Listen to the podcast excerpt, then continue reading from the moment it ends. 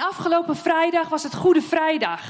En stond ik hier ook en mocht ik vertellen over dat kruis. Dat kruis wat, wat soms schuurt. Liefde waarvan we denken dat we het kennen, dat we weten wat het betekent. Maar als dat echt zo zou zijn, dan zou de wereld er heel anders uitzien. En dat is een boodschap die, ja, die maakt je wat ongemakkelijk. Want hoezo dan dat christelijk geloof? En hoezo dan? En Jezus, die is gestorven en na een, een paar onzekere dagen weer is opgestaan. Hoe dan? En we hoorden vrijdag dat God er zelfs zelf voor heeft gekozen om zijn zoon aan dat kruis te laten gaan. En dat Jezus zei: Ja, ik wil, ik ben beschikbaar. En vandaag is het Pasen. En Pasen is nodig om het hele verhaal af te maken. Het graf is leeg, zongen we, hoorden we net. Er is een nieuwe dag, een nieuwe schepping. Alles is veranderd en de dood is overwonnen. Dus iemand is dood en wordt weer levend. Hmm, te mooi om waar te zijn? Of te bizar om over na te denken? En toch, het is geen nieuwe gedachte. Want als het herfst wordt, dan beginnen in grote delen van de wereld de blaadjes van de bomen te vallen. En planten sterven af. Ze worden bruin, ze verdorren en het leven vloeit eruit weg. De hele winter blijven ze zo. Er is niets te zien. Alles lijkt weg te zijn. Inactief, dood, zonder leven. Maar dan komt de lente. En heel voorzichtig, en we zien het ook alweer gebeuren om ons heen, komen ineens die groene stengeltjes weer uit de grond. Komen er knopjes aan bruine takken die levenloos leken. Maar het moet eerst echt herfst en winter zijn geweest voor er van lente sprake kan zijn. De natuur moet eerst sterven voor ze tot leven kan komen. Dood gevolgd door opstanding. Het is maar net welke woorden je kiest. Iets wat waardeloos lijkt, krijgt opnieuw waarde. En dit geldt voor alle systemen, voor voedselketens en seizoenen. Ons hele leefklimaat heeft met die regel te maken. De dood baant de weg naar het leven. Ook een zaadje stoppen we eerst in de grond voordat het als nieuw leven uit de aarde op kan komen. En als je vanochtend gegeten hebt, dan was dat dood. Het is geoogst, het is geplukt, het is van het leven afgehaald. Als je vlees hebt gegeten, is er een dier voor geslacht. En zo kon het op jouw bord terechtkomen en kon jij het opeten om te leven. De een zijn dood is de ander zijn brood. En dit mysterie van dood en leven, dit mechanisme, dit proces is door heel de structuur van de schepping heen verweven. Onze lichaamcellen sterven af met miljoenen per seconde. En in hetzelfde tijdsbestek komen miljoenen andere daarvoor in de plaats. Onze huid schilfert af. En ter vervanging produceert ons lichaam continu nieuwe huidcellen. We krijgen regelmatig dus een nieuw vel. En ook tussen mensen geldt dat dood de aanjager van het leven is. Denk maar eens aan al die brandweermannen die bij reddingsacties om het leven zijn gekomen. Wie wordt niet geraakt door verhalen waarbij redders uiteindelijk zelf omkomen en als helden worden herdacht? Het is vaak inspirerend, zeggen we dan. Als mensen zichzelf wegcijferen voor het welzijn van een ander. Inspiratie geven is leven geven. De dood van de een ten gunste van het leven van de ander. Dus spreken over de opstanding van Jezus is geen totaal nieuw principe. Het is een eeuwige waarheid. De wereld werkt zo. Dood en opnieuw geboren worden zijn zo oud als de wereld. Vaak hoor je van mensen als ze zeggen: Nou, wij willen eigenlijk niks meer met de kerk te maken hebben. Dan geven ze als reden: Het is zo bekrompen, dat geloof. En dat snap ik. Want als je te maken hebt met een plat verhaal. En je de omvang die het heeft niet wordt verteld als het over regels gaat. En je niet ziet en ervaart dat het meer is, dan lijkt het bekrompen.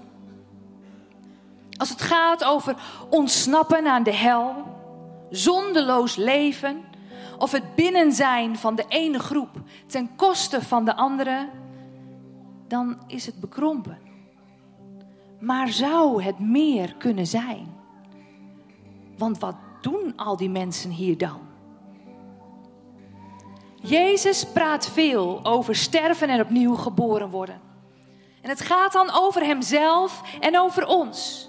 Hij heeft het over loslaten, omkeren, opgeven, beleiden, oude gewoonten achterlaten. Hij spreekt over leven dat ontstaat door zijn dood. En hij belooft dat dat leven op duizenden manieren naar ons toe komt. Overvloed. Want dat gebeurt als we durven loslaten. Als we sterven aan ons ego, onze trots, onze koppige hardnekkigheid. Waarmee we het recht menen te hebben onze zin te krijgen. Als we vasthouden, dan lijken we op een boom die haar bladeren niet los wil laten. En er kan geen lente komen wanneer we vastzitten in de herfst. Dus er is meer. Doe afstand van je leven en vind het, zegt hij. Zo zit de wereld in elkaar. Zo zitten wij in elkaar. Zo werkt het als je sterft van verlangen naar het leven. Laat los. Daarom blijft het kruis haar kracht behouden. Het is een herinnering, een teken, een flits, een symbool dat ons in aanraking brengt met ons diepste verlangen om bij een nieuwe schepping te horen. Dat is wat Jezus doet en dat is wat Hij laat zien. Dood en opstanding, oud leven voor nieuw leven. Het ene gaat voorbij en het andere komt. Vrijdag en daarna zondag. Je sterft en wordt opnieuw geboren. Dat is wat hier vandaag zichtbaar gaat worden. Wat we horen door de getuigenissen van vier mensen heen.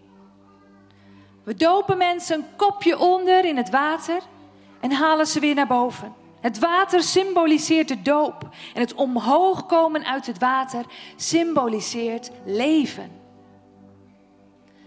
Vrijdag vierden we avondmaal. We eten dan brood en we drinken vruchtensap of wijn. En we denken eraan dat God ervoor koos om Jezus te geven. En dat Jezus zich beschikbaar stelde. Zijn lichaam, zijn bloed voor het leven van de wereld. Hij geeft leven. En Jezus ziet dat als een persoonlijke verantwoordelijkheid. Hij is bereid te sterven om leven te geven aan de wereld. Degene die het systeem bedacht heeft, stapt er zelf in en bevestigt dat het zo werkt. Hij staat op en met hem sta jij op. Te mooi om waar te zijn? Wij worden uitgenodigd om te vertrouwen dat die liefde waarvan wij bang zijn dat ze te mooi is om waar te zijn, inderdaad mooi genoeg is om waar te zijn. Wij worden uitgenodigd om ons te laten meenemen hierin en ons te laten vormen door die liefde. Terwijl ze iedere vierkante centimeter van ons lichaam vernieuwt, van onszelf vernieuwt, van ons leven.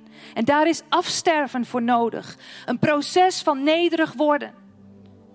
Afstand doen van het oude denken. En tegelijk is er openheid voor nodig. Een heel klein beetje maar om ons houvast te verliezen, om los te laten, zodat we kunnen ontvangen, vinden, ontplooien, horen, zien en proeven.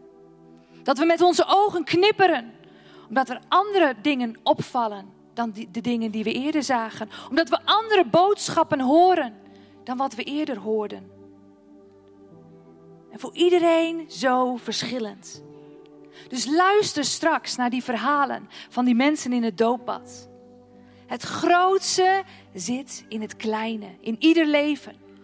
Want het is volbracht. In voltooide tijd. Het is volbracht. Voor ons allemaal.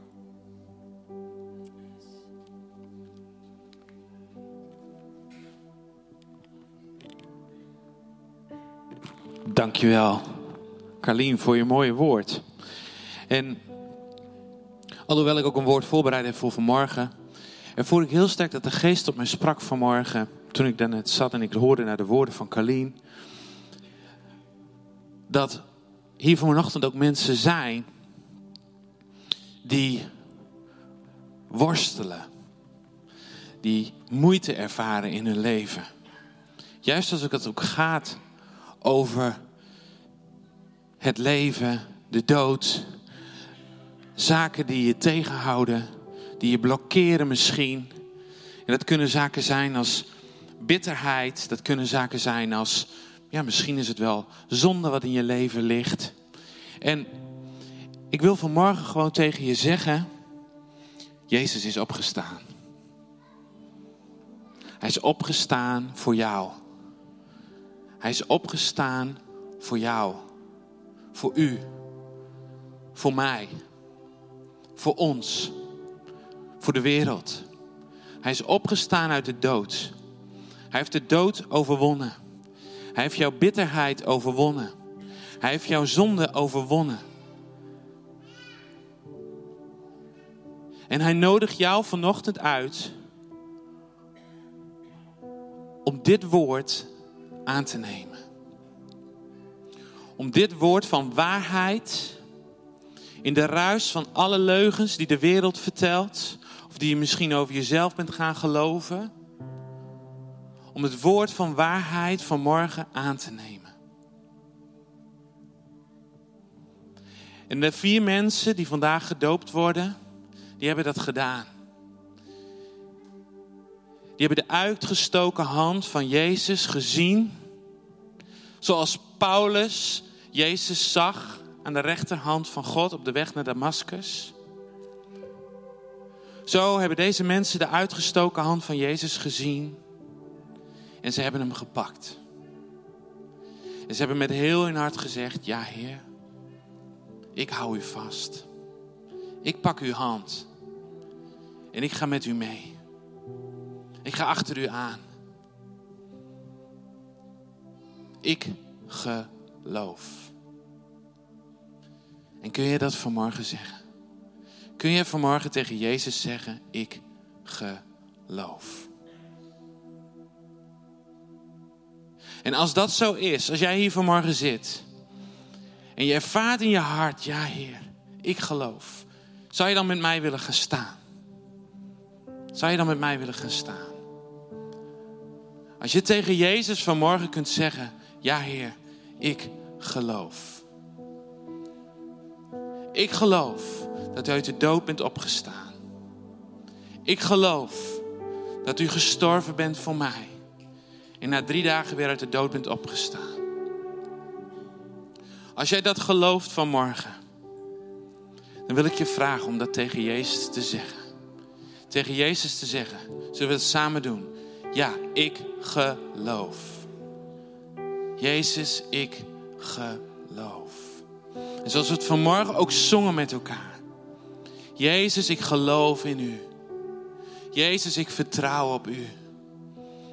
En dat is ons hart. Dat is ons hart die uitschreeuwt naar Jezus. De opgestane Jezus. Die zit aan de rechterhand van de Vader. En die niets liever wil dan dat wij zijn hand pakken vanmorgen. Amen.